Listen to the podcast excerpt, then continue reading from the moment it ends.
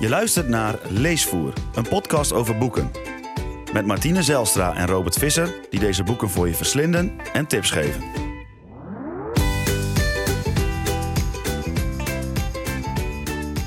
Welkom bij de vijfde aflevering van Leesvoer. Deze week hebben we een special over vechten en bespreken we vier boeken over de nobele kunst van het knokken, met Bruce Lee als stralende middelpunt. En verder is er weer de boekenluis met Tao van Jeet Kune Do, lockdown literatuur met Mark Rutte van Petra de Koning en het verrassingsboek. Deze week gaat het over knokken, vechten, rammen, schoppen en incasseren. Pak je nunchucks en bokshandschoenen maar vast, want we duiken voor deze special de dojo in. Sinds een aantal jaren doen we namelijk aan taekwondo. En hoewel het natuurlijk fantastisch is om iedere week als een soort amateur ninja op de mat te staan, is het ook erg interessant om boeken over deze vechtsport te lezen. Het is namelijk zoveel meer dan alleen maar een potje hersenloos knokken. Je kunt maar beter je kopje gebruiken tijdens een gevecht en niet om ermee te beuken. Toch, Robert? Ja, dat klopt. Ik uh, denk dat dat het allerleukste is. Als je alleen maar uh, uh, puur fysiek ermee bezig bent, dan, dan denk ik dat je een heleboel mist als je aan een vechtsport doet. Maar dat is natuurlijk wel het idee wat vaak bestaat bij mensen die niet aan vechtsporten doen. Ja. Dat je ja, gewoon maar bruut ergens op aan het rammen bent. Uh, ja, door... Dat je knokkel, knokkels er helemaal uh, onder het bloed zitten. Ja, dat je planken door midden mapt. En uh, als het even kan ook nog andere mensen. Maar dat ligt natuurlijk... en er zullen vast mensen zijn die dat zo doen. Maar voor ons is dat niet, niet de aantrekkingskracht. En, en de nee. boeken die we hebben uitgekozen is dat ook niet zo. Nee, want we hebben vier boeken eruit gelicht. En je kunt wel zeggen dat Bruce Lee daarvan het stralende middelpunt is. Maar we beginnen met een wat minder bekend boek. En dat is A Killing Art van Alex Gillis. Waarom hebben we die eigenlijk uitgekozen? Nou, toen ik begon met uh, taekwondo een paar jaar geleden, eigenlijk zijn, ben ik een beetje aangestoken door ons zoontje. uh, die, uh, die begon aan taekwondo te doen. Ja. hij was toen net zeven. Ja. En um, nou ja, ik, je zit dan bij die trainingen te kijken. En toen dacht ik, oh, dit is wel gaaf. Weet je, de, de, de, gewoon de kicks die ze doen, de, de manier waarop de training werd gegeven, was ja, heel jij zat daar op die bankjes en jij dacht, ik wil dat eigenlijk ook wel. Ja, ik dacht, ik wil het niet alleen kijken, maar ik wil het doen. Toen gebruikte ze op een gegeven moment ook nog nunchucks. Uh, dat zijn twee, uh, ja, wat is het? Uh, een soort staven die je vasthoudt. Ja, toch? twee st staven met een kettingje ertussen of een touwtje ertussen. Ja, ja, als je Bruce Lee films hebt gezien en helemaal als je bent opgegroeid in de jaren 80 en 90, dan ken je die. ze komen in zoveel vechtfilms ook terug. Uh, ook uh, de, de Teenage Mutant, Mutant Ninja Turtles, om maar even een mooie ja, ja, zijpad in te gaan, gebruikten ze ook. Um, nee, maar ja, het, het, het, het, is voor mij wel een soort ultiem van vechtsport wapen. Het is, het, is een heel, het, is een heel, ja, het is heel interessant om dat onder controle te hebben. Nee, goed, ik zag dat bij kleine mijn... jongetje in jou werd weer even Ja, je hoort wakker. het al. Ik ja, ben een en al enthousiasme. En niet alleen over boeken, maar ook over, over vechtsport. Wat, en, en veel mensen vinden dat een hele rare combinatie. combinatie. En, ja. Maar dat is het niet. Maar dat, dat, dat zal wel een beetje duidelijk worden tijdens, uh, tijdens deze aflevering. Goed, ik begin dan aan taekwondo te doen. En ik begin mij dan ook af te vragen... Wat, wat, wat waar komt ik dit vandaan? Ja, wat doe ja. ik eigenlijk? Want ik krijg allerlei instructies van de leraar. Bij ons is dat... Uh, wij, doen, wij, wij doen het allebei bij Ace Martial Arts in Rotterdam. Onze mm. leraar is meneer Ooms. En uh, dus nou ja, daar luister je naar, die uh, vertelt verhalen, uh, maar die, ja, het is vooral heel erg, je bent bezig met bepaalde oefeningen ja. en die zo perfect mogelijk neer te zetten. Ik vraag me dan af, waar, waar, waar komt dit vandaan, ja, wat, wat ik aan het doen ben? de geschiedenis hiervan? Ja, en, wat is dit nou eigenlijk? Waar komt nou, het vandaan? Ja. En ik had twee boeken besteld eerst over de geschiedenis van taekwondo en die waren zo verschrikkelijk saai. die gingen meer over hoe je vormen het beste kan leren en er stond ook wel iets in over de geschiedenis en daarin werd een of andere generaal Choi steeds genoemd, maar daar werd, ja, als, alsof je, als, als alsof je het over een soort goeroe hebt. Dus er werd nou, bijna kwijlend over gesproken. De geweldige generaal Choi, die we zoveel dank verschuldigd zijn. Nou, en ik kan, ik kan daar niet tegen. Ik heb er hekel aan dat soort woorden. Ja. Nou, en toen dacht ik van, ik ga eens kijken of er ook uh, um, Engelstalige boeken zijn. Ja. Nou, die bleken het zijn. En zo kwam ik bij Alex Gillis uit. Alex Gillis is een journalist, net zoals wij. Mhm. Alleen dan iemand met een uh, zwarte, uh, zwarte band. Ja. Um, Zover zijn wij nog niet. We zijn wel mooi onderweg inmiddels. Maar goed, hij heeft een zwarte band en, en, en hij, deed, hij doet al uh, tientallen jaren aan uh, karate. Op het moment dat hij het boek schrijft, al 30 jaar. Dus echt een ervaren iemand. Een karate of een taekwondo? Oh, sorry, taekwondo. Ja, okay. ik noem karate. Ik, Ja. nou ja, we komen er zo nog wel op dat het, eh, dat het behoorlijk op elkaar lijkt. En ook hij had net zoiets als wij van... hé, hey, waar komt dit eigenlijk vandaan wat Ja. ik doe? En hij is de geschiedenis gaan uitzoeken. Heel veel mensen denken waarschijnlijk bij taekwondo dat het een eeuwenoude sport is die al eh, eh, weet ik veel hoe lang in een soort tempels door monniken beoefend wordt. Maar dat is niet zo, toch? Nee, is absoluut niet zo. het, is, uh, het, is, nou, het is ook weer niet heel recent, maar het is uh, in de jaren 50 uh, bedacht door, door die generaal Choi. Ja. Um, en op een nogal gekke manier eigenlijk. Hè. Het heeft een best wel een merkwaardige geschiedenis. nou, um, zeg maar gerust krankzinnig, toch? Het is een, ja, laten we maar gewoon eerlijk zeggen, het is een krankzinnig verhaal. Ik heb opgeschreven en, en, en daar sta ik heel erg achter. dit, dit, dit boek, wat dus die hele geschiedenis vertelt... en voor zover ik weet staat het eigenlijk alleen in dit boek. Uh, uh, het is zo absurd en zo krankzinnig dat je, uh, dat als dit een roman was geweest, had je het weggelegd en gezegd van, nou, dit is bullshit, nee, dit ga ik niet lezen, dit is zo verzonnen en zo bij elkaar. Nou, hoe, hoe is dat dan begonnen? Die uh, generaal Choi, voordat hij generaal was, uh, woonde hij gewoon in Korea uh, bij zijn, bij zijn, bij zijn moeder. En nou, hij hielp hij mee op het land te bewerken en zo. En hij was nogal gek op het doen van een Koreaans pokerspel. Ja. En dat Koreaans pokerspel, daar, daar had hij op een gegeven moment schulden bij. Dus nou, zo goed was hij nou ook weer gokken, niet. Hè? Ja, precies. Lekker gokken, geld inzetten. En hij verloor. En hij verloor niet van zomaar iemand, maar van een hele sterke worstelaar die ook nog eens heel groot was. Oeps. Nou, en die wilde zijn geld hebben. Dat had Choi niet. Dus, uh, toen had hij een probleem. Toen had hij een probleem. En die gast wilde met hem vechten. En uh, ja, Choi uh, zag dat niet zo zitten, omdat uh, ja, kop groter, uh, sterker. Ja, die kreeg het een beetje benauwd. En toen deed hij eigenlijk iets heel geniepigs en gemeens. Hij pakte namelijk met zijn hand een inktpotje en die sloeg hij kapot op, het, op het voorhoofd van die worstelaar. Toen lag die worstelaar knock-out op de grond. Heeft hij zijn geld weer teruggepakt en is hij gevlucht. En daarna ging, ging hij naar Japan. Dus hij okay. ging niet zomaar, hij ging echt een heel eind weg. En in Japan ging hij studeren. En in Japan komt hij voor het eerst in aanraking met karate. Hij heeft dan al wel wat gedaan, wat, wat, wat vechtsportjes in Korea. Dus hij was niet helemaal onbekend ermee. Maar dan begint hij karate te doen. Mm. En dat is voor dit verhaal eigenlijk heel erg belangrijk. Um, hij begint uh, steeds fanatieker te, te worden. En waarom wordt hij steeds fanatieker? Omdat hij in Japan een dorpsgenoot tegenkomt. En hij weet tot hij, totdat hij die dorpsgenoot heeft gezien, weet hij niet of die worstelaar heeft overleefd. Ah. Hij is echt weggerend. Een soort panische angst. En uh, uh, nou, dan hoort hij dus, de worstelaar leeft nog. Nou ja, een beetje opgelucht ademhalen misschien. Mm -hmm. Maar twee, hij telt de dagen af dat jij weer in het dorp bent, zegt die dorpsgenoot tegen oh, Joy. Ze weet al van, nou, ik kan maar beter zorgen dat ik sterker terugkom dan dat ik uh, erheen ging. Ja, dan uh, schakelt hij nog een tandje bij en doet hij uh, nog extra zijn best om uh, toch goed karate onder de knie te krijgen. -huh. Um, nou, dan komt hij terug in dat dorp. Ja, ik vind dit een van de leukste anekdotes van het boek, maar hij komt terug in het dorp en dan die worstelaar in de verte komt er al aan. En wat gaat hij doen? Hij gaat allerlei karatebewegingen doen. Dus uh, Om hoge te kicks. Imponeren. Ja, precies. Uh, sprongkicks en allemaal stoere bewegingen. En de worstelaar zegt dan... Is hij ziek? Want ik zie hem zulke gekke bewegingen maken. Wat is er met hem? En dan zegt een vriend van die worstelaar... Zegt, nee, maar hij uh, komt net uit Japan. En hij heeft waanzinnig leren vechten daar. Karate. Oh, denkt de worstelaar. Oké, okay. nou, en die ja. druipt dan af en die gaat toch het gevecht niet aan. Dus nee. dat is het eerste voordeel al wat Joy heeft van uh, goed uh, uh, een bepaalde vechtsport kunnen. Is, nou, het eerste tegenstander is eigenlijk al, al afgedropen dan.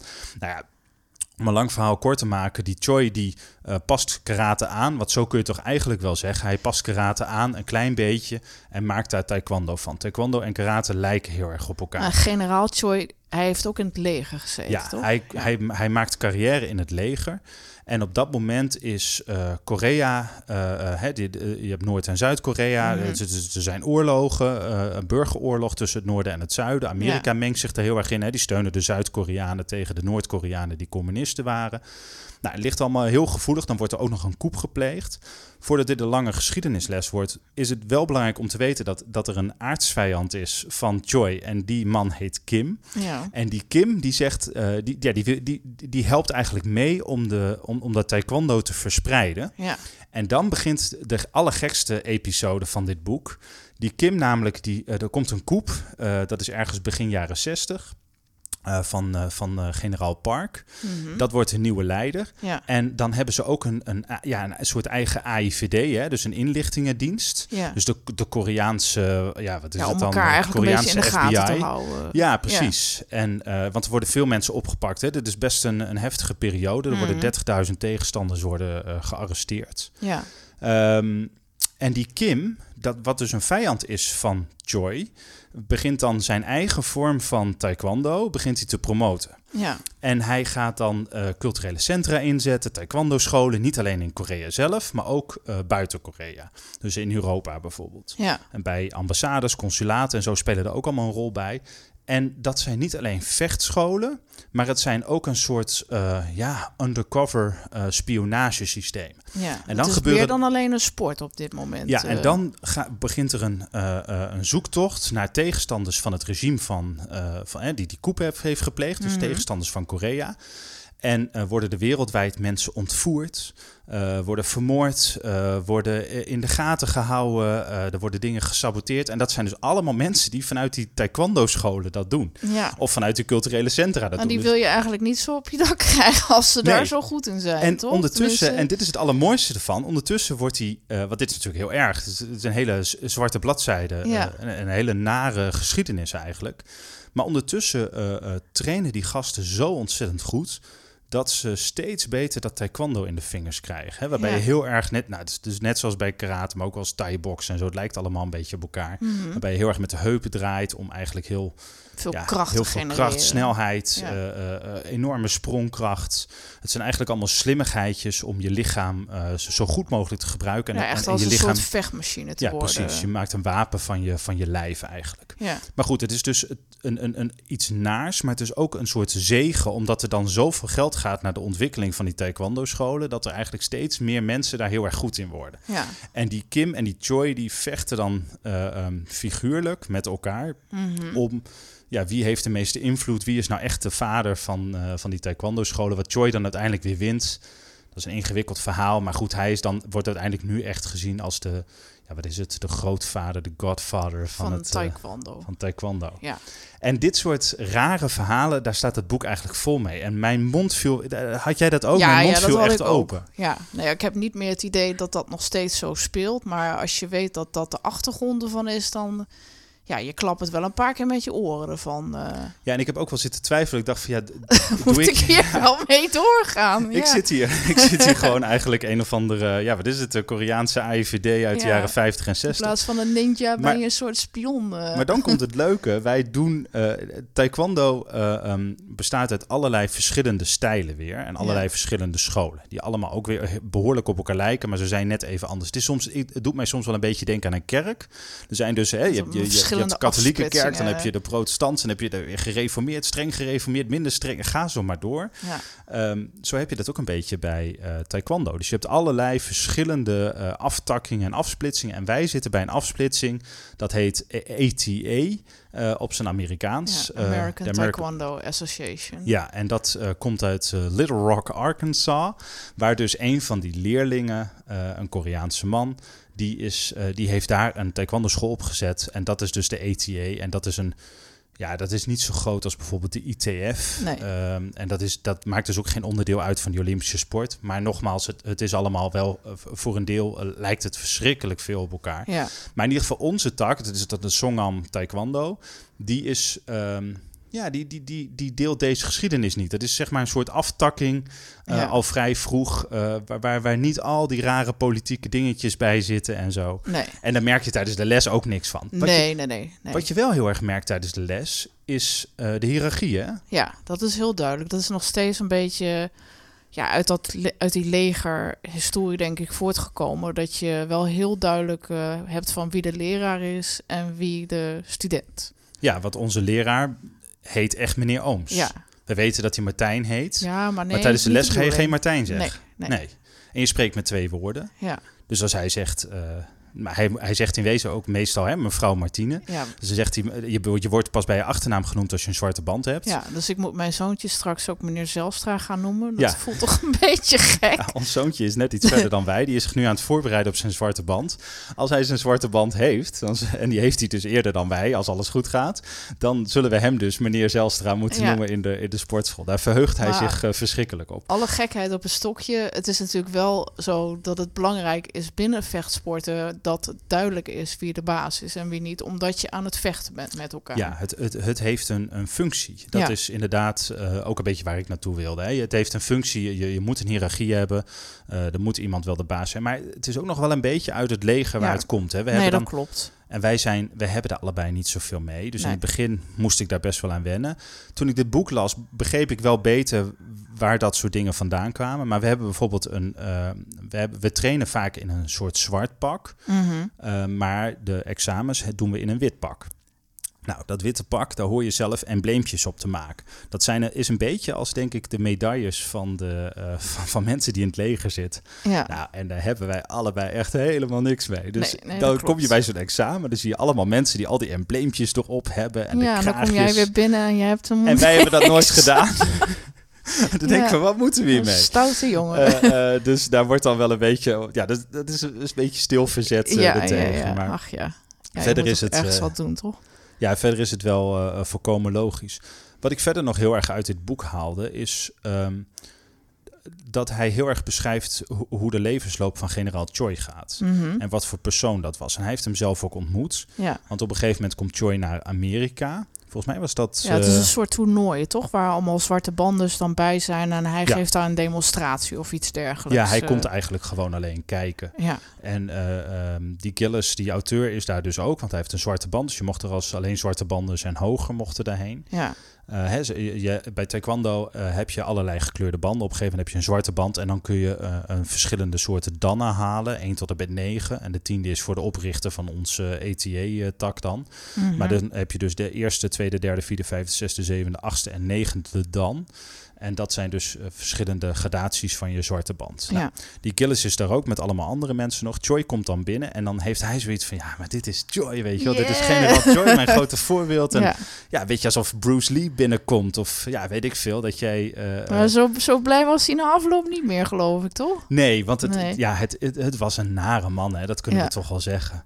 Het is echt een enfant terrible en het, het, het, het, eh, poh, je, je, er is weinig sympathieks in hem te herkennen. Nee. Het is wel echt een kind van de oorlog, dus daardoor ehm, het maakt Ja, je begrijpt duidelijk- ergens wel waar het vandaan komt. eh. Ja. Ja, ook als hij in Japan gaat studeren, hè, dan wordt er gezegd van Koreanen stinken en zo. Dus dan wordt hij heel naar behandeld. Ja, Hij wordt ook echt met harde hand eh, op scholen en zo wordt hij eh, benaderd. Ook in dat leger gebeuren nare dingen. Dus je kan je ergens wel voorstellen dat hij eh, zich ontpopt tot een hele strikte, eh, vervelende man. nou, het was ook. Het, het boek heet niet voor niks A Killing Art. Het was natuurlijk wel een manier om te overleven, denk ik ook. Ja, ja nee, dat, dat, dat zit er zeker in. En die Gillis, In die die, tijd die, die, komt dan bij die demonstratie of dat toernooi. En dan doet iemand op een gegeven moment iets voor. En die En doet het niet helemaal nee, goed, hè? En, nee. Maar niemand doet het goed, hè? Nee. Dat blijkt daarna. En daar staat Choi op en die zegt zoiets als van... En die gaat hem eigenlijk een beetje. Ja, Die, die zeikt hem, maar, nee, die maakt hem gewoon met, met de grond gelijk. Die Ja. zegt dat ze jou een zwarte band hebben gegeven. Nou, Hoe kan dit? En dat vond ik wel heftig. Ja. Ehm, en ook, ik vond het echt naar. En ik Ja. moest dan ook denken aan eh, die hiërarchie herken ik vanuit onze taekwondo school, maar dit herken ik totaal niet. Nee. Hè, bij ons is er wel, het is streng, dus het is echt streng. Ja, Eh, en soms kan het ook wel hard zijn en direct. Ja. Hè, als je niet luistert bijvoorbeeld, daar, Mm. eh, daar wordt echt eh, hard op gereageerd. Maar het is altijd, daarnaast is het altijd opbouwend. Ja. Dus het, en het is ook altijd de bedoeling van je, je haalt iets, eh, je, je, je, je, je bent zelf op een soort missie om zoveel mogelijk uit jezelf te halen. ja. Mentaal, fysiek, om je lichaam zo goed mogelijk te gebruiken. En ehm, ja, dat soort dingen herkende ik helemaal niet. Nee. Je zei net, niet. we hadden het net over het wapen als vechtmachine. Hè? Tot, tot slot wil ik nog één ding over dit boek zeggen die ik zelf heel leuk vind. Die Gillis die vertelt op een gegeven moment dat hij iemand ontmoet. Een van de mensen die er vanaf het begin af aan bij eh, was. Mhm. Bij de ontwikkeling van eh, taekwondo. En dat is, ehm, volgens mij heette diegene Nam. En ehm, dan vertelt Gillis van ja, eh, ik had zelf moeite om, om de speerhand goed onder de knie te krijgen. En de speerhand is een, een, een, dat je je hand naar voren steekt met je vingers uitgestoken. Als een soort speer. Als een soort speer. Ja. En, en die eh douw je dan eigenlijk in iemand zijn buik. En er zit een draaibeweging in. Dus je, je maakt met je heup een draai om.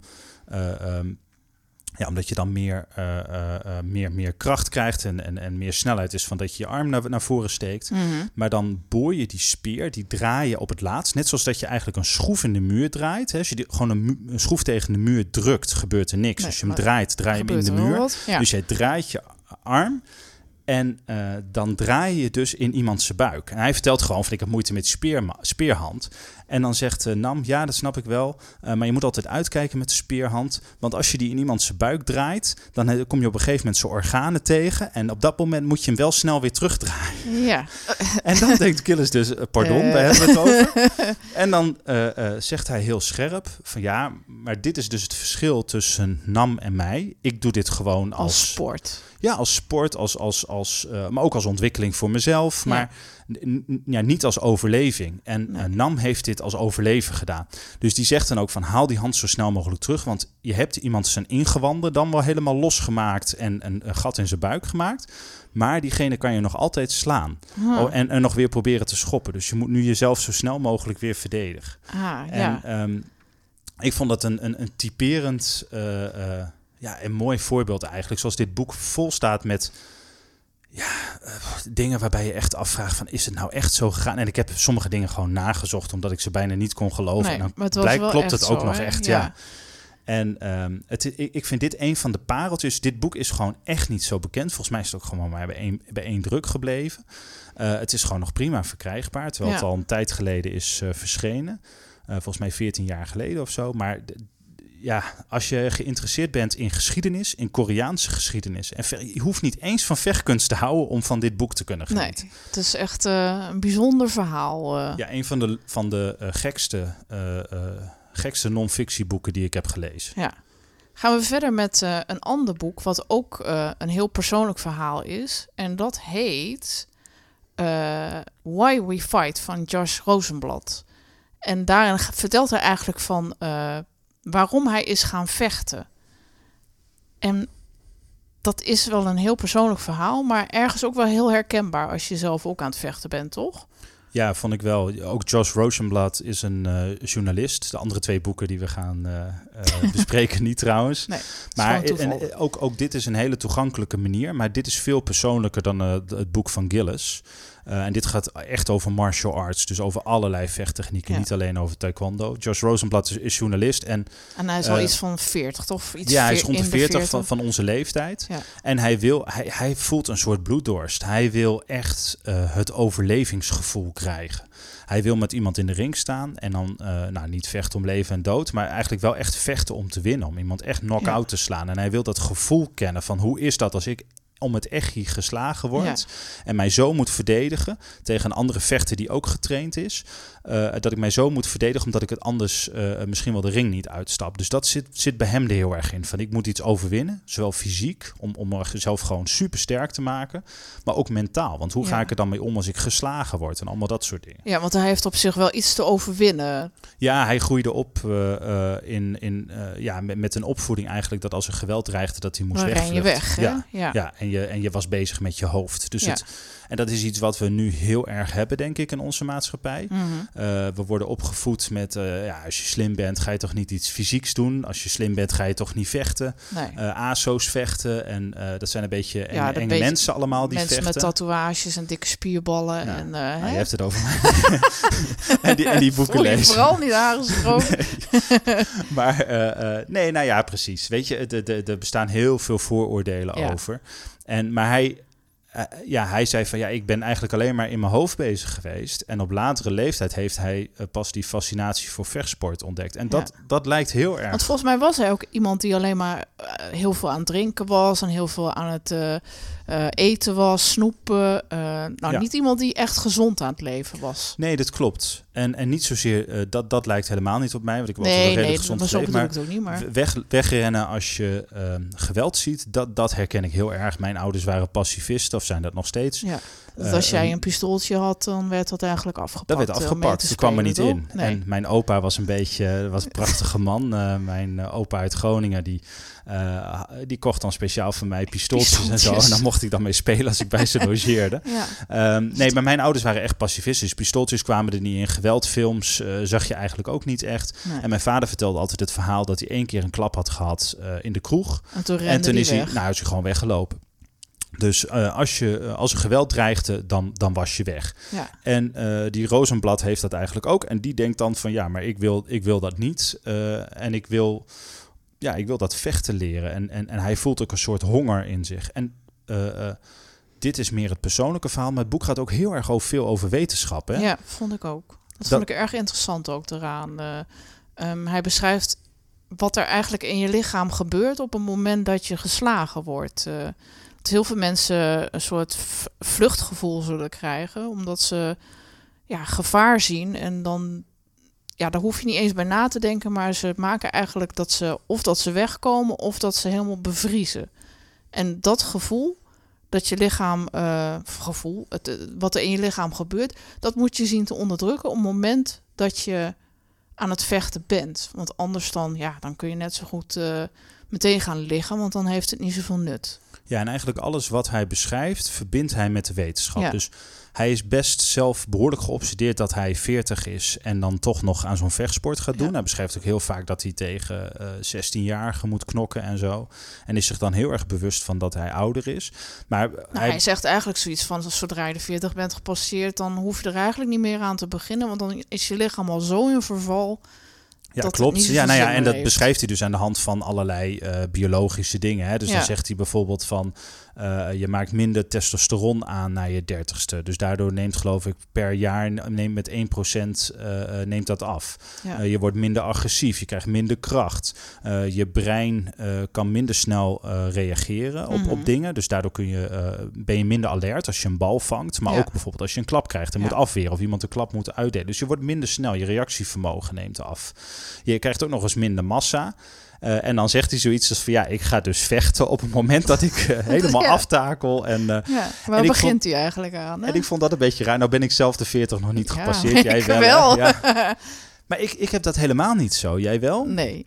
Nee, Ik- maar ja, dan, dan is het net alsof je soort carrière moet ambiëren om in de ring te gaan staan. Ja, want volgens mij is hij best wel competitief. Dus hij wil ook, en dat, dat herken dat ik heb daar ik- niet zo ja, maar in. dat heb niet bij ik wel. Nou ja, ik vind het altijd wel leuk om eh, eh, een wedstrijdje te doen met sparren. En als ik dan win, vind ik dat ergens ook wel... eh, nou ja, dat vind ik wel leuk, geloof ik. Maar ja, ook als ik niet win, dan... ik lig daar niet wakker van. En ik heb het idee dat hij dat wel heeft. Dat als hij verliest, dat hij wel een soort van falen heeft.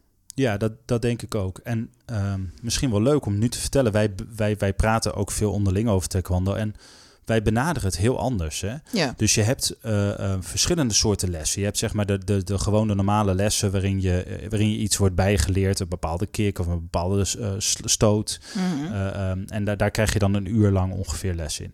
Maar je hebt daarnaast ook nog lessen zoals combat. Dus dan ben je gewoon tegen elkaar aan het vechten en leer je Ja. bepaalde combattechnieken. Dus Ja, dan is het echt van wie wint. Dan heb je een hele uitrusting aan. Maar je hebt ook performance. Dan leer je met wapens vechten. En je hebt ehm, eh, traditional. En traditional bij ons is dat je de oude vormen leert. En vormen zijn een beetje als die oude, eh, va- vaak wat oudere eh, Chinese mensen die je wel in het park ziet, die dan allerlei bewegingen maken. Nou, bij taekwondo doen we dat allemaal veel strakker en veel agressiever, maar En sneller. eh, en sneller. Maar daar lijkt het wel een beetje op. Je, je traint een bepaalde vorm, een, soort choreografie van allerlei vechttechnieken achter elkaar. Ja. Nou, nu is de grap dat ehm, ik hou niet zo heel veel van combat, dus met mensen vechten. En dat komt volgens mij door mijn opvoeding. Mhm. maar ook omdat ik, ik, ik ben te aardig. Dus ik gun dan mensen. Dus dan ben ik met iemand aan het vechten en dan zeg ik, schoppen. ja, dan zeg ik, Ja. oh, wat een mooie kick, zeg ik dan. En dat zeg je toch niet in een gevecht? Maar Nee, ik- nee, dat komt er bij mij dan uit. Dus Ja. ik, ik, ik, ik mis daarvoor een soort Nou ja, agressiviteit. ik zeg het soms ook wel. Als iemand echt iets moois dan zegt, wauw, mooi. Maar jij Maar jij vindt dat heerlijk. En jij wil ook echt winnen. Terwijl ik Ja. denk van ja, weet je, als ik ja, nou ik ben bijna twee meter, dus, dus, dus het is ook, ik win ook wel vaak. Dus eh, want je hebt gewoon hele lange benen, dus, Ja. dus je kan ja, op een gegeven moment kun je een techniek verzinnen om mensen op afstand te houden en zo. En dat, ja, dan ben je gewoon wel in het voordeel als je heel lang ja, bent. maar jij gaat altijd nadenken en ik denk altijd, ga met de banaan, hoppatee. Ja, dus wij hebben echt een andere benadering. Maar jij vindt het ook heel leuk om, om die wedstrijdjes te doen. Terwijl ik dat ergens nog confronterend vind. Ja. Eh, ehm, ik kan mezelf echt goed staande houden tijdens een gevecht. Maar het levert ook een soort tweestrijd nog in mijn hoofd op. En dat heb jij niet. Nee, nee, dat klopt. Dat heb ik inderdaad niet. eh, ik weet niet waar dat door komt, maar eh, ik, ja, dat heb ik niet. Zodra ik dan een seintje krijg van je mag gaan vechten, dan ga ik naar voren en dan, ja, als het dan klaar is, denk ik, oh, we zijn alweer klaar. En, Ja. ik- en dat, wat, dat wat er dan in de tussentijd gebeurt, dat, dat, ja, dat gaat eigenlijk vanzelf. en dat vond ik het leuke ook aan dit boek. We halen er eigenlijk allebei iets anders uit. Hè? Ja. Want ik, ik, ik lees het dan en dan denk ik, ja, die, die band met de wetenschap interesse- interesseert mij als wetenschapsjournalist. Nou, dat heb jij dan ook. Ja, Maar ik denk ook van door zijn verleden en door, dat, eh, door zijn verleden van hè, de, ga weg bij geweld. En eh, ehm, eh, je, moet, je moet toch vooral met je hoofd bezig zijn en nadenken. Mhm. En, en niet, met, niet met je lichaam. Dat, dat herkende ik heel erg. ja. Daar sloeg ik toch wel heel erg op aan. Dat, daardoor nam hij mij eh, heel erg voor zich in. Vond ik het een toffe gast. Dacht Ja. ik, ja. Maar dat, dat, ja, dat competitieve en zo, dat herkende ik veel nee, minder. Nee, ja, dat, had, dat vond ik dan wel weer heel herkenbaar. Maar ik denk wat we allebei herkenbaar vo- vonden is dat je de manier waarop je eigenlijk je spieren kan trainen om ermee om te gaan. eh, hoe je tijdens een gevecht eh, doet. Want eh, door steeds dezelfde bewegingen te herhalen, ehm, dat je jezelf aanleert om dat oergevoel wat je hebt van vluchten of vechten of stilstaan en of, of wegrennen, dat je dan jezelf eigenlijk aanleert van in plaats van dat je bevriest, dat je spieren ja, eh, zich eigenlijk uit zichzelf herinneren wat ze moeten doen. Ja, het is een soort spiergeheugen, maar het is ook dat je je, je, ehm, je, je kweekt een soort intuïtie aan of zo. Dat Ja. klinkt heel tegenstrijdig, maar je lichaam weet op een je moet in een soort flow komen dat je lichaam weet hoe die moet reageren. Dus eh, om iets simpels te zeggen, als jij een kick doet, dan gaat mijn arm al meteen naar beneden om die te blokken. Ja, En eh, ehm, dus je krijgt een alertheid en je, krijgt, en je denkt dan ook van, oh, maar wacht eens even, als iemand mij probeert te trappen, dan staat diegene dus te dichtbij. Want Mhm. Ik ben bijna twee meter, dus bij mij staat eigenlijk altijd iemand dan te dichtbij. Dus dan kan ik eh, eh, bijvoorbeeld zelf een kick doen, of ik kan met mijn stoten vlakbij komen, ja, eh, of iemand al raken. Of ik doe snel een, een, een stap naar achteren en ik ontwijk net iets. Dus je hebt een heel scala aan dingen die je kan doen en dat wordt een automatisme. ja, En dat vind ik een van de tofste dingen van aan vechtsport doen. Dat je je lichaam kan aanleren hoe het kan reageren. En dat je veel soepeler beweegt. ja, Dus los van dat je heel fit bent, en dat is gewoon fijn. Maar je, je, je begint je lichaam beter te herkennen. En, eh, of eh, beter te, te, ja, hoe moet je het zeggen, onder controle te krijgen. Ja. haast, hè? Ja. En, en, en dat beschrijft hij ook allemaal met de wetenschap ja, erachter. ja, nee, dat is echt heel heel interessant leerzaam. eraan. En, en eh. super toegankelijk, hè? ja, En hij maakt ook rare uitstapjes nog. Hij haalt Albert Camus, een Franse schrijver, erbij. Ernest Hemingway, een eh, Amerikaanse schrijver.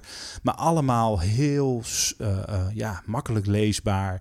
Eh, eh, en ja, hij schrijft erover alsof dat eh, allemaal volstrekt logisch is. En dat, dat is knap. Het is een vlot geschreven boekje. ja. Nou ja, je hebt ook het idee van eh, je hoofd en je lichaam hoeven helemaal niet zulke gescheiden dingen te zijn. Je, het is juist fijn om eh, nou ja, een boek te lezen van iemand die daar op een beetje dezelfde manier mee bezig is. eh. Ja, het was in die zin wel, heel, wel herkenbaar. Ja. En misschien ook wat je niet zo snel verwacht van een boek over vechten. Dus Nee. dat, dat, dat is leuk. Ja, dat vond ik ook. we gaan door met het derde boek. En daarmee eigenlijk ook het vierde boek.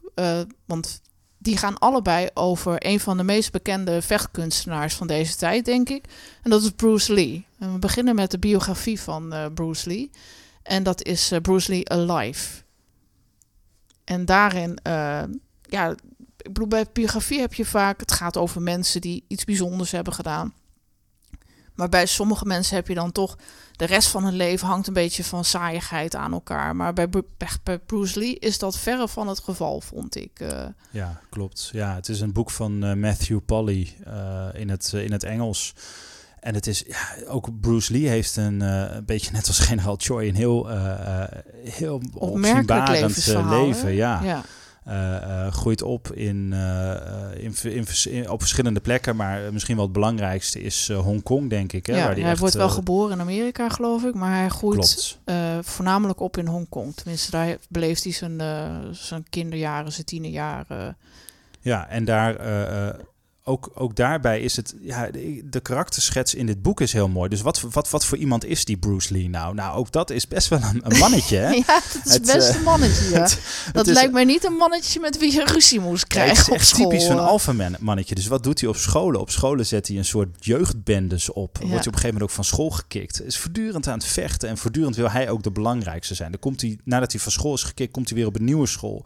En dan is iemand anders het alfamannetje. En dan begint hij met een heel plan om diegene naar de kroon te steken en zelf weer het alfamannetje te Ja. worden. En dan ook weer met allemaal bendes, met allemaal gevechten. Dus daar zit het al heel jong in. Twee dingen, denk ik. Eén, dat hij de beste wil zijn. Ja. En twee, dat hij eh, gewoon zo goed mogelijk wil leren vechten. Nou, de sleutelrol... Ja, die moet, hij moet zijn ouders denk ik wel tot waanzin gedreven hebben op een gegeven ja, moment. ja, absoluut. Ja, nee, zijn vader raakte op een gegeven moment opium verslaafd. Ja, hè? Dat is ook een... een eh, zijn vader was eh, eh, acteur. En, Bij de eh, opera in Hongkong. ja, bij, ja, dat zijn een soort van opera's. Hè? Van Ja. die operettes zou je bijna kunnen zeggen. Dus van Ja. hele toegankelijke, eh, eh, beetje kolderieke dingen. Ehm, en, En, ook niet alleen maar met zang, maar ook, eh, ook dans. dans en, ja. eh, nou, een heel verhaal eromheen. eh. Ja, ja, en ook heel erg show. Ja. Het is eh, bijna. Ik, ik denk dat het meer lijkt op de musicals die wij hebben. Ja, dat denk eh, ik ook. Zoals het wordt omschreven. Zijn, zijn moeder was van best wel goede komaf. Eh, zijn vader wat minder. Ook dat eh, wordt, wordt heel mooi uitgelegd eigenlijk. Ja. Een beetje een, een moeilijk liefdesverhaal. Ehm, en daar komt eh, eh, Bruce Lee dan, eh, ja, wordt, wordt eruit geboren. Ja. Ja. En, ehm, maar het gekke is, hij, hij neemt zelf ook allerlei eh, rolletjes aan. Al heel jong is hij aan het acteren. Speelt Ja, je zou kunnen zeggen dat hij een soort kindsterretje is. Ja, in Hongkong dan. Ja, ja klopt. En ja. eh, nou ja, bij kindsterretjes wat je daarvan denkt, dat klopt eigenlijk ook bij Bruce Lee wel. Hij is wel een beetje, hij heeft het wel met zichzelf getroffen. een ook, beetje eh, verwaand. ja. ja. En tegelijkertijd kon hij, kon hij ook ontzettend veel. Dus als je kijkt wat hij bereikt heeft, eh, eh, zou je bijna zeggen van ja, mocht het. Maar nee, ja, kijk, nu, nu klinkt het net alsof we Bruce Lee gaan afzeiken. Maar Bruce Nee, nee, Lee is voor mij wel een soort eh, halfgod in, in, in hoe hij... De, de, manier waarop hij aan vechtkunst deed is mooi. Zijn bewegingen zijn zo strak. Ja. Maar ehm, ehm, hij, weet ook, hij weet ook heel goed dat hij er een soort show van moet maken. En dat is, ja, zeker als je zijn films bekijkt, en ik kan dat echt iedereen aanraden, die zijn gewoon nog steeds leuk om te bekijken. Het is, het is heel gaaf. Het is heel.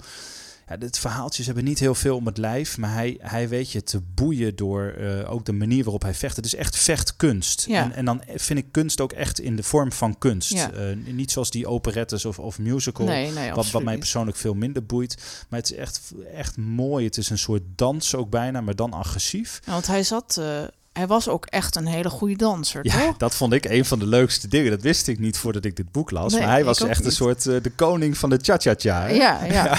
Als je denkt van, eh, hoe kon het toch dat hij al die bewegingen zo soepel en zo eh, ja, achter elkaar plakte? Nou, dat, Nou dat ja, komt en daar die- denk ik ook wel eh, Nee, die door. combinatie zie je vaker. Want je hebt eh, bijvoorbeeld eh, de Muscles from Brussels. Jean-Claude Van Damme. Ja, onze grote vriend uit België. natuurlijk ook bekend van allerlei films. Hè? Van Kickboxer ja bijvoorbeeld. hij heeft ook allerlei verschillende vechtsporten gedaan, maar ook ballet. Ja, die, en, en hij heeft gezegd dat hij een veel betere vechter werd. veel leniger ook. Hij heeft, hij heeft die split kick is bij hem altijd bekend. Ja? Dus je kent de die als- split wel waarin je benen helemaal uit elkaar doet. Ja. En, ja, dat ziet er voor mannen altijd best wel ongemakkelijk uit.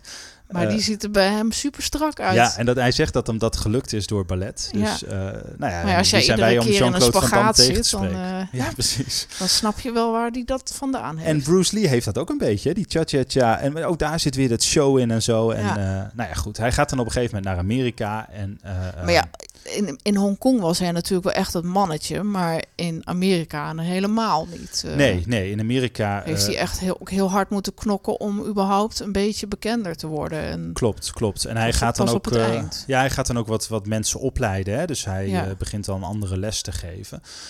Oh ja, wat ik net wou zeggen, een sleutelfiguur in het leven van Bruce Lee en ook in dit boek is Ip Man. Mhm. Ip Man was ja, de, de, de grote leraar die aan eh kung fu deed. Want dat is wat, eh, wat, wat, wat Bruce Lee vooral goed kon. Ja. Ehm, en kung fu eh, ehm, ja, is, is wat meer voor, voor dichterbij vechten. Hè? Dus Ja. heel, heel echt ontzettend knappe handtechnieken en zo ook zitten erin. Super snel. En Ipman was een, eh, was een eh, ja, alles wat je van hem hoort, echt een fantastische leermeester. Mhm. Ehm, Er zijn ook trouwens drie eh, of vier inmiddels vier films over hem gemaakt. Ja. Die gewoon Ipman 1, 2, 3 en 4 heten. Maar als je van vechtfilms houdt, en ook, ook als je er niet van houdt trouwens, dit, dat zijn ook echt ongelooflijk goede films. Ja, eh. Echt heel Eh, dus, dus, dus kijk daar ook even naar. Maar goed, dat, dat speelt in Hongkong nog allemaal. gaat ook over Bruce Lee trouwens. Ja, ja, Ja. klopt. Die moeten wij nog zien, hè? Ja, Dus nog 1 tot en met 3 hebben we gezien, dus die kunnen we echt aanraden. 4 eh, ja, vier is een beetje moeilijk om aan te komen Ja, in Nederland kwamen we klopt. achter. Nou is nog niet zo maakt lang niet geleden in de bioscoop eh, zou die komen, geloof ik. Nou goed, hoe dan ook, eh, dat is, speelt allemaal nog in Hongkong. En Bruce Lee gaat dan ook lesgeven in ehm, Amerika. Dus dan wordt hij zelf eigenlijk een soort ipman. Hè? Dus dan Mhm. geeft hij de kennis van eh, kung fu geeft hij door aan Amerikanen. Ja. En ook daarbij heeft hij weer zo'n kliekje achter zich aan die hem eigenlijk voorafgoden.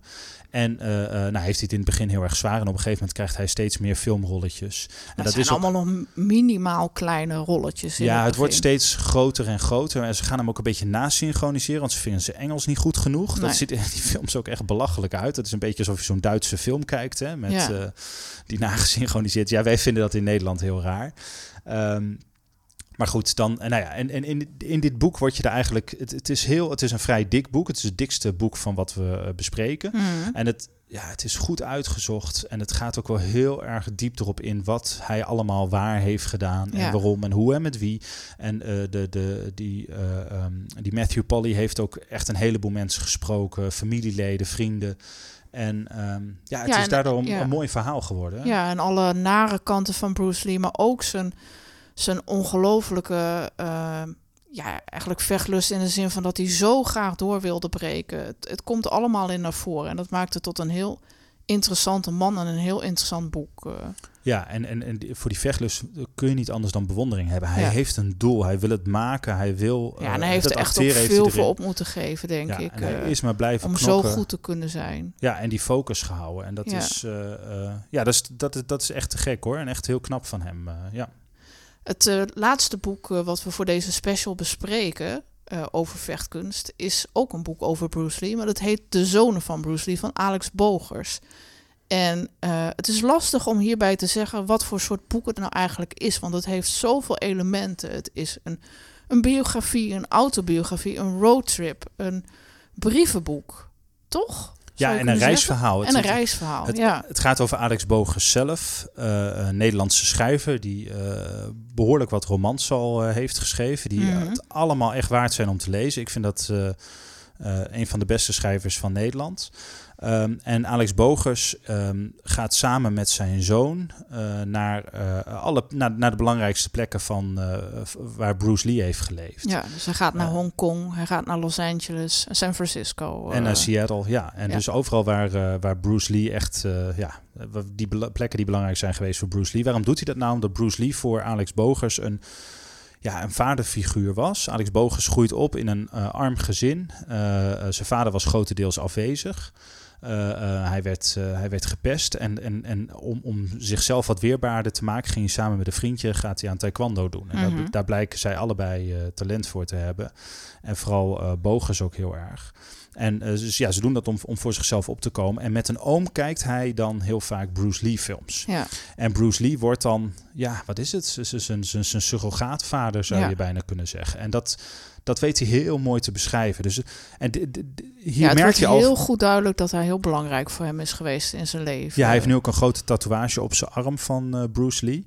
Eh, maar hier merk je al, hè, van, eh, eh, Alex Bogen schakelt heel snel tussen wat hij zelf vroeger heeft meegemaakt, Mhm. hoe hij, nu zijn relatie is met zijn zoon, en het leven van Bruce Lee. En die dingen verbindt hij eigenlijk allemaal met elkaar. En dat maakt dit boek onmogelijk om in een hokje te stoppen. Ja, En het leuke daarvan is dat eh ehm, eh, eh, Bogers dat ook van zichzelf zegt. Hè? Mensen willen je altijd maar in een hokje stoppen. En bij hem lukt sloeg dat ook nergens niet, op. Want Nee. hij, arme jeugd, eh, vechtsporter, eh, eh, maar ook iemand die verschrikkelijk goed kan schrijven. En Ja. daar eigenlijk als klein jochie helemaal niet, of als, nou ja, als puber dan, helemaal niet met mensen over kon praten. Omdat, omdat ja, dat deden mensen niet Nee, van zijn dat is een beetje raar allemaal. Ja, dus het is iemand die niet in een hokje te plaatsen valt. Dit boek valt ook niet in één hokje te plaatsen, valt ook niet met één ding te vangen. En dat maakt het heel gelaagd en ontzettend gaaf om te lezen. Het- Ja. Er zit heel veel in. Net Ja, zoals ik dat vond ook- het ook heel mooi persoonlijk, omdat hij in die brieven zich eigenlijk richt tot zijn zoon en daarmee ook tot jou als lezer. Ehm, en dat je zo ook een inkijkje krijgt in zijn familie. eh, en wat, het wat Bruce Lee voor zijn zoon en voor hem betekend heeft. Ja, wat hij schrijft, het, het hele boek is eigenlijk een lange brief aan zijn zoon. Ja, En ehm, hij zegt dan ook zoiets als van, nou ja, ik, ik, eh, ik, ik wil niet de hele tijdje maar lastigvallen met mijn verhalen over vroeger en over Bruce Lee. Dus nee, daarom schrijf ik weer dit eh, boek die maar. vader die altijd. eh, hè? Ja, dus dan, en, en hij noemt zijn zoon steeds jongen. En dat Mhm. doet, dat, ja, ik vind dat heeft iets heel moois intiems. Ja, En daarmee lijkt je zelf ook een beetje aangesproken te worden. Hè? Dus Ja. je hebt zelf ook het idee van, hé, hey, ik heb een band met deze schrijver. En dat maakt het, eh, ja, dat geeft het iets extra's. Dat vind ik knap gedaan. Dat, Ja. eh, eh, ja. dat vond ik ook. En ja, die, dat, dat voorbeeld van Bruce Lee, ehm, eigenlijk, hij zit ook heel veel uitspraken in van Bruce Lee hè, in, in het boek. Mhm. En dat zijn een beetje, ja, vergeven me, maar het zijn een soort teg- tegeltjeswijsheden. Eigenlijk, ik, hij, Alex Bogers vindt ze zelf allemaal fantastisch, eh, die, die, die uitspraak van Bruce Lee. Maar het zijn een beetje eh, zinnen die je ook in een zelfhulpboek zou vinden. Of Ja. eh, ja, in het tegeltje aan de muur. Vaak vind ik ze niet zoveel zeggend, maar daarna gaat eh, Bogers uitleggen wat het voor hem betekent. En dan wordt het wel ja, heel en dan knap, wordt het fantastisch. Dan Ja. komt er een, een, een, een persoonlijke anekdote of een verhaal.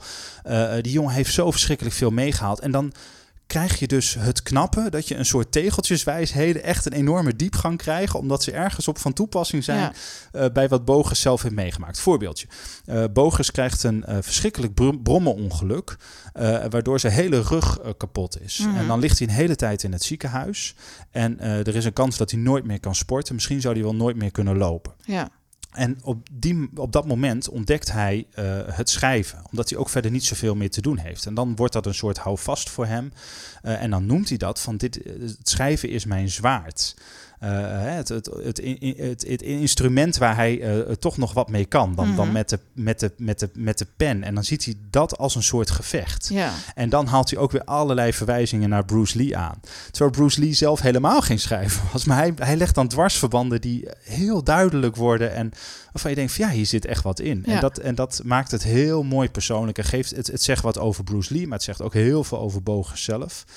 En ehm, ja, hij zegt dan bijvoorbeeld ook, hè, van eh, Bruce Lee liet mij in die tijd iets heel belangrijks zien. Je hebt je eigen leven in de hand. En hij, hij zegt dan ook, dat vertelde hij mij. Dus het is bijna alsof Bruce Lee Tot persoonlijk... hem spreekt. ja, hè? tot zijn, eh, en dan tot begrijp zijn je waar dat spreekt. surrogaatvader ook een beetje vandaan komt. Ja, en nu spreekt eh, Bogers in zijn boek dus weer net zo naar zijn eigen zoon. Ja. En dat, dat, dat, ja, ik vind dat mooi hoe die, hoe die Vandaar dat doet. ook, denk ik, eh, de zonen van Bruce Lee. Precies. Ja. En dan zegt hij daarna van het leven was dus wel maakbaar. Je bent niet het product van je omgeving. Je kunt maken van jezelf wat je wilt. En dat was voor mij een belangrijke boodschap. Bruce Lee was feitelijk de eerste echte superheld. En dit zegt hij in een, eh, in een interview trouwens. Geen citaat uit het boek. Maar het had zo in het boek kunnen staan. Ja. Hè? Het, is, eh, ja, het is ook die directe stijl met mooie korte zinnen. Hele rauwe dingen allemaal. eh, Ja. Rauwe emoties ook. En, en, het is een heel eerlijk boek. Hij stelt Ja. zichzelf heel kwetsbaar op. Ehm, en dat, ja, het leest, het leest echt als een trein. Ja, Het is een hele mooie verweving van hoe je na kan denken over vechtsport, hoe het je leven beïnvloedt. Ehm, hoe het je relaties met anderen, hè, ook met, eh, met, met, met dus mensen die heel dichtbij je staan, in dit geval je zoon, hoe het dat beïnvloedt. nou ja, en En ook wat, eh, wat lastig kan zijn om te overwinnen voor jezelf. Hoe je daar een soort handvaten binnen de vechtsport voor krijgt. Ja, ja, en ik vond het ook heel leuk dat hij daadwerkelijk fysiek naar die plekken gaat. Eh, Ja. En zijn zoon is dan. Dat je het eh, plakkerige weer van Hongkong ook eh bij wijze Ja. van spreken op je huid voelt. Ja, want hij gaat er in juli heen. Ja. En dan zegt de vriend ook tegen hem, volgens Niet mij, doen, je niet moet nooit in juli naar Hongkong gaan. En dan zegt hij, de hitte trekt in, in mijn lijf, zegt hij dan. En ja, dat, dat, Daar dat kun is, je wel wat bij voorstellen. Ja, daar kun je ik, ontzettend veel bij voorstellen. En dat is, ja, zijn zoon heeft trouwens niet zoveel, zo, zozeer iets met schrijven, hè, die, maar dat is een, een kunstenaar. Mhm.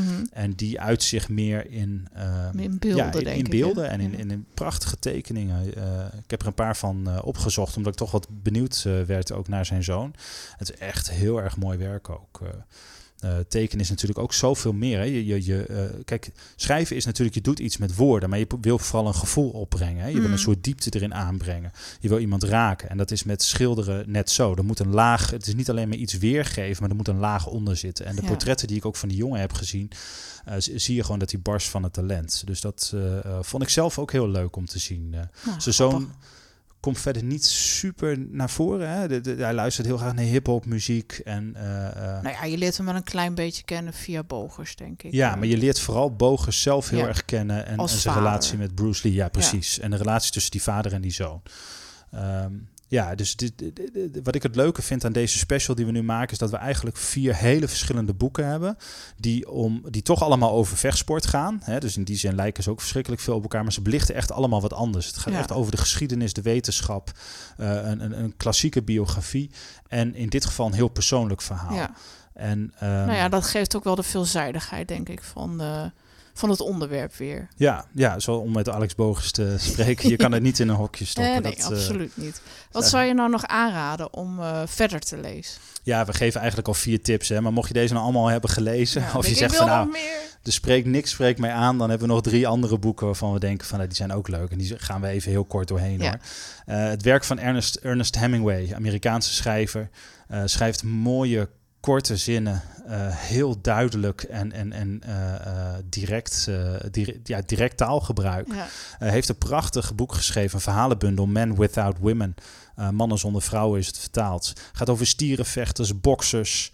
Um, ja, een soort korte zinnen die je als spervuur op je afvuurt. Ja. En ja, ik zou zeggen, als je dat nog niet hebt gelezen, ga dat lezen. Het volgens mij was hij zelf ook nogal fan van boksen, ja, toch? Ja, Hemingway was ook een, een fanatiek bokser. En daar helemaal gek op. En er kwam inderdaad ook al even voor. Hè? We noemden hem al even bij Rozenblad. Ja. Um, ander boek waar ik nog aan moest denken, ja, is het eigenlijk gewoon alle boeken van Alex Bogus. Ja.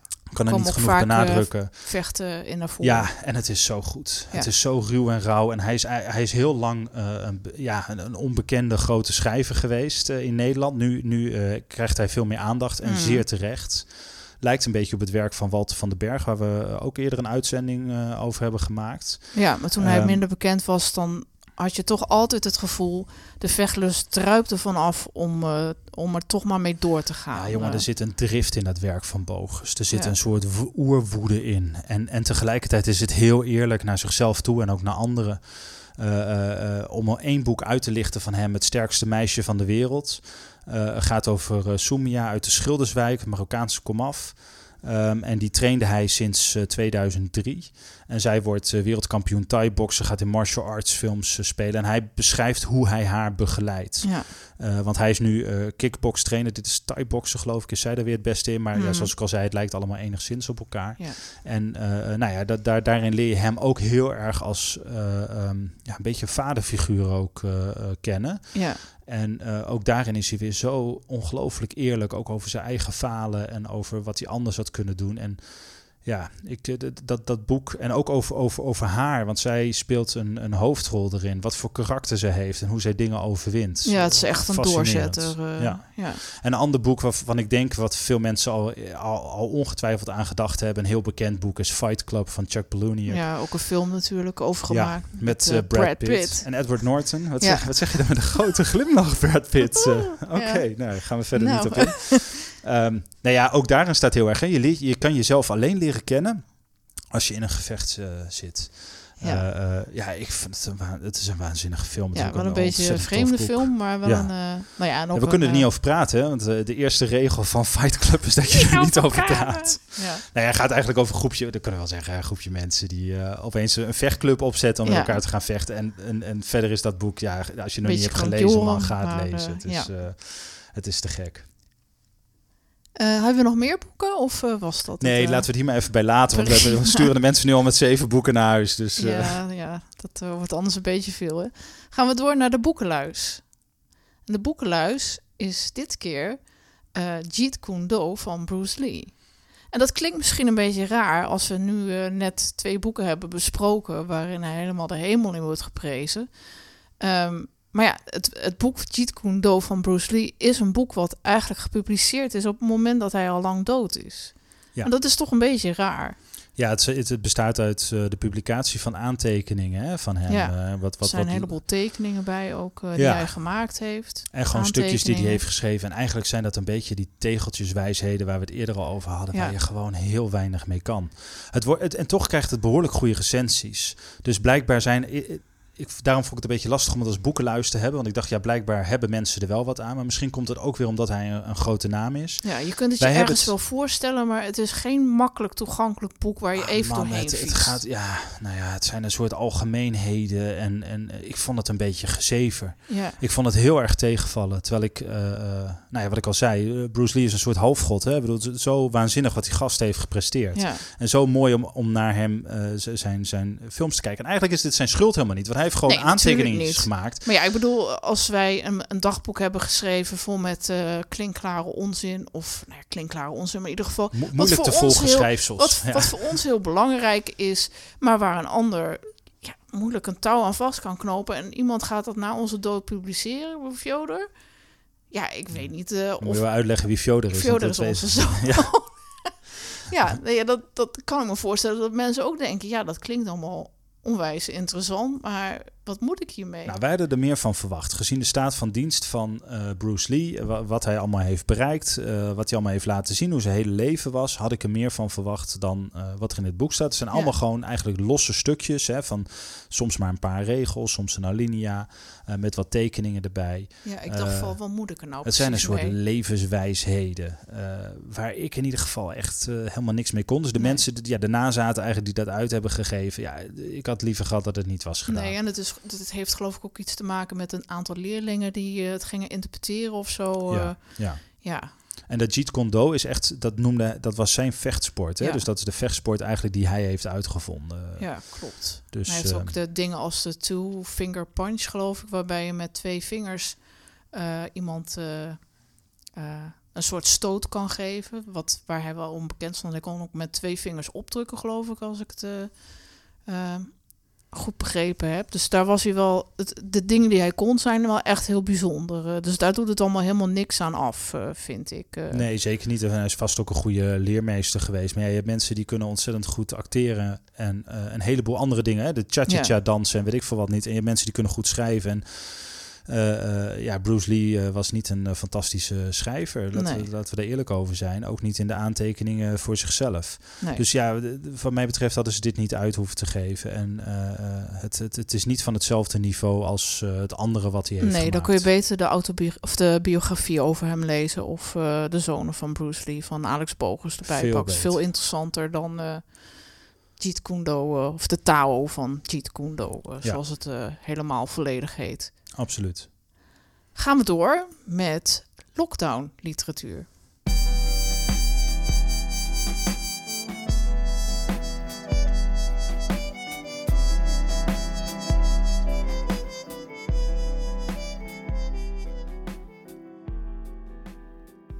En dit keer in, lo- in lockdown literatuur hebben we het over Mark Rutte, het boek van Petra de Koning.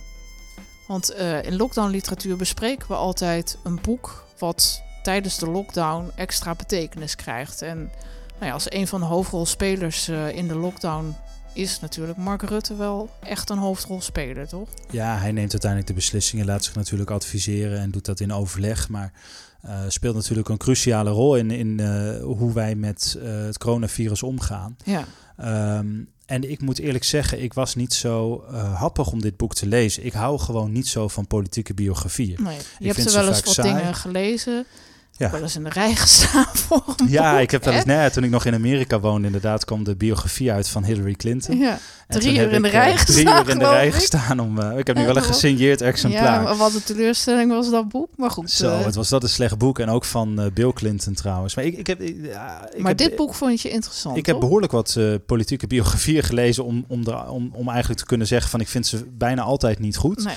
Ehm, maar dit boek is een uitzondering. En waarom? Ehm, ja, omdat het ontzettend vlot geschreven is. Het, is eh, het is een beetje een gek boek, want eh, ze heeft eh, Rutte zelf niet gesproken. Wel mensen uit zijn omgeving en vrienden van hem en, en politici. Maar die wilde daar blijkbaar wel aan meewerken, dus. Ja, blijkbaar. En zij is journaliste bij NRC, dus ik denk dat zij ook behoorlijk goed ingevoerd is. Mhm. En het is een ontzettend goed geschreven boek.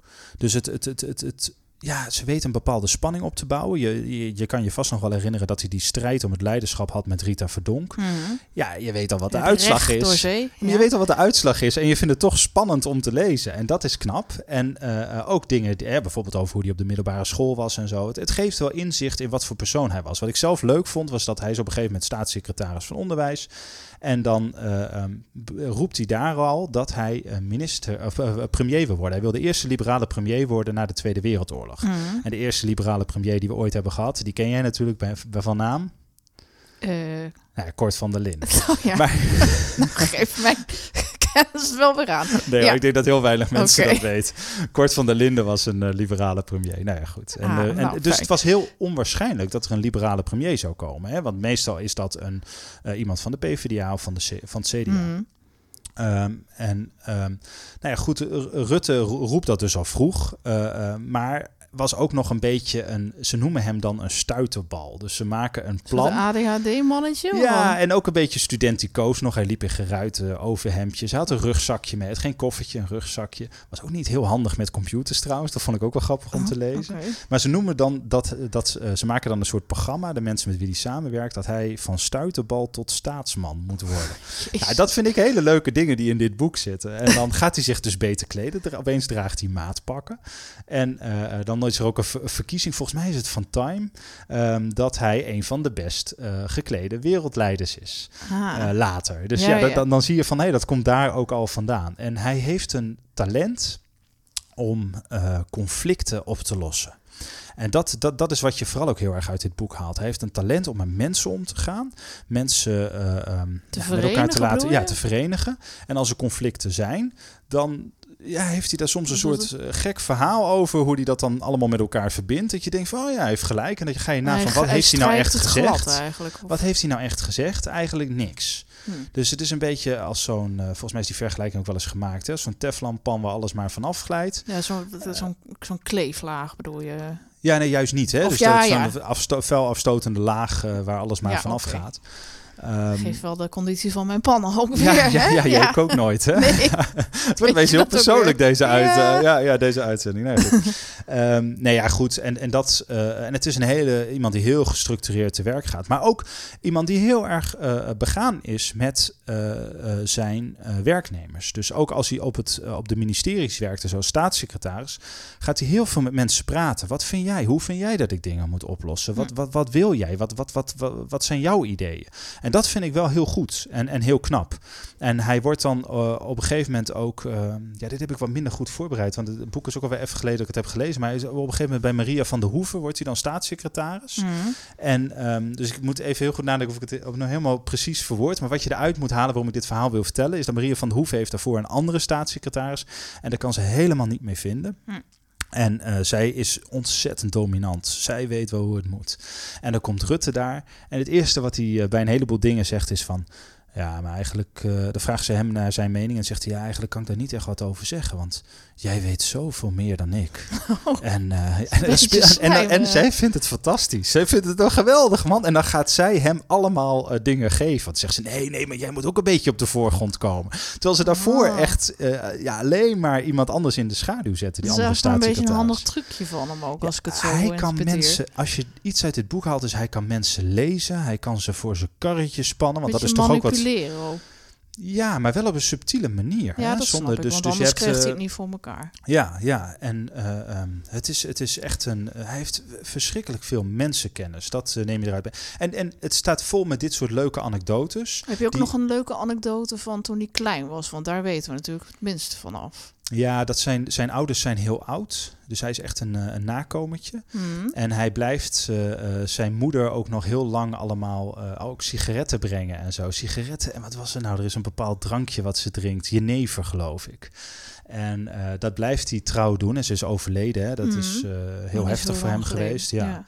Um, maar goed, dat, dat, uh, dat vond ik wel mooi. Dat hij dat dan ook uh, blijft uh, langsbrengen. En dat hij, ja, en dat hij, dat hij, hij is eigenlijk al heel politiek actief op de, op de middelbare school. En, um, ik dacht dat je ook iets zei over directeurtje, toch? Dat ja, ze noemde hem, noemde, ja, ze noemde hem inderdaad het, het directeurtje. Zijn moeder noemde hem het directeurtje. Ja, dat klopt.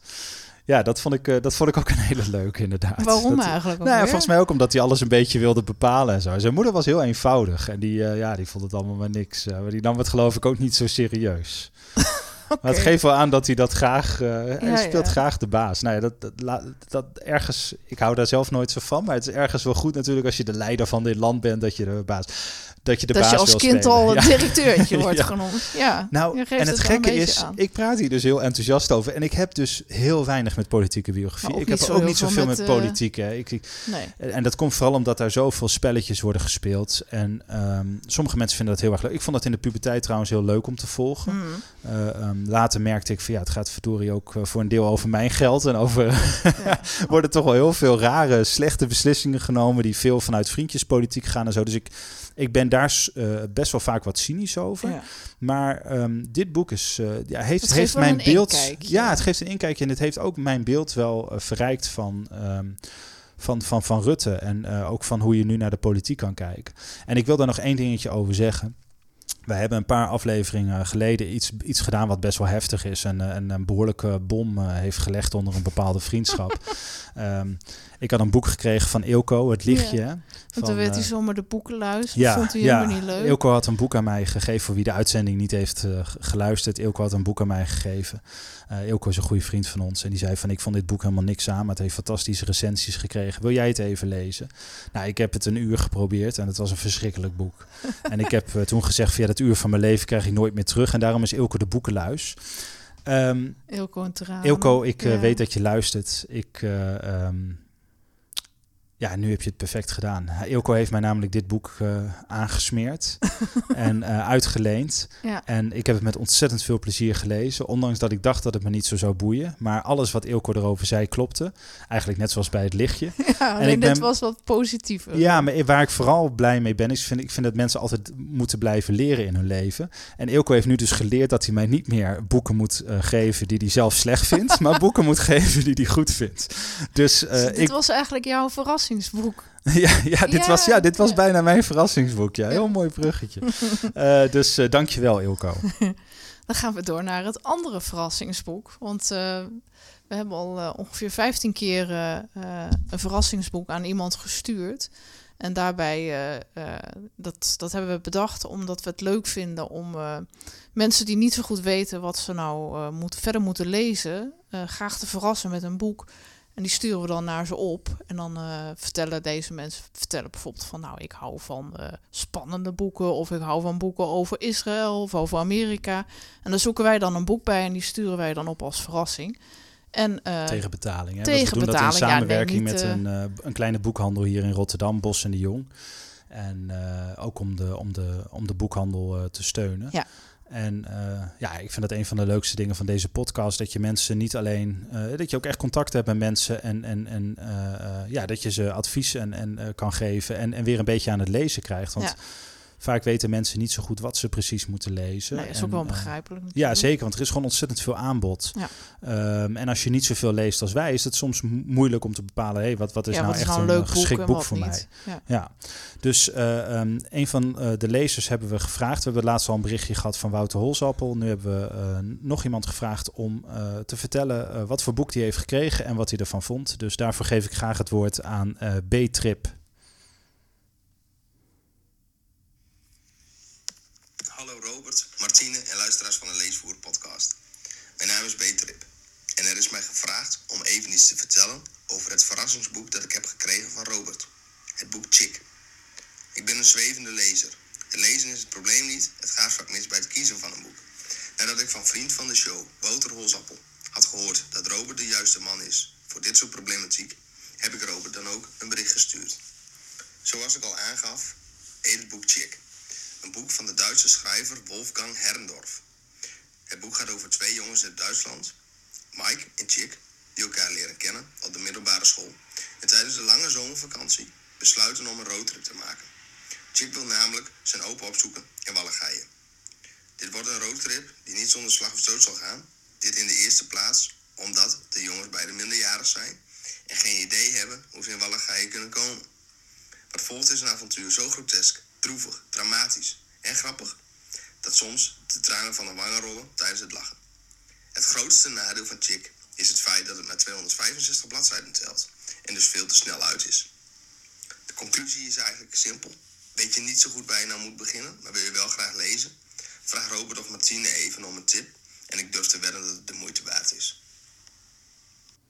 Hartelijk dank B voor deze mooie woorden. En ja, het is toch altijd wel weer een beetje spannend als je een boek naar iemand opstuurt. Ja. En eh, ja, super tof dat, eh, dat, dat hij het zo ontzettend leuk vond. Ja. Dus eh, ja. Daar En krijg ik echt een grote glimlach van op mijn gezicht. ja, nou ja, mooi. Oké, nou dankjewel. Oh nee, oh, nog even één ding. Waar kunnen mensen iets heen sturen als ze ook een, graag een tip willen ontvangen? Ja, dat kan naar leesvoerpodcast.gmail.com. Je kunt ons ook een berichtje sturen op eh, Twitter. En ehm, ja, dan sturen wij eh, iets leuks naar je op. Dus zullen we je een paar vragen stellen en Ja. dan eh, sturen we wat leuks naar je op. Moeten we nog even vertellen wat we nu aan het lezen zijn? Is dat een leuke tipje van de sluier? Ja, dat mag. Vertel maar. Nou ja, ik heb net het, boek van, het nieuwe boek van eh, Lise Spit uit. Ik ben er niet. En eh, jij gaat hem nu Ik moet lezen. hem nog lezen. Dus eh, ja, dat wordt spannend. Eh, of, of we dat gaan redden voor de volgende keer. Of dat We toch een ander boek doen, sneaky tussendoor gooien. Dus dat wordt nog even spannend. Ja. Dankjewel voor het luisteren en hopelijk tot de volgende keer bij Leesvoer.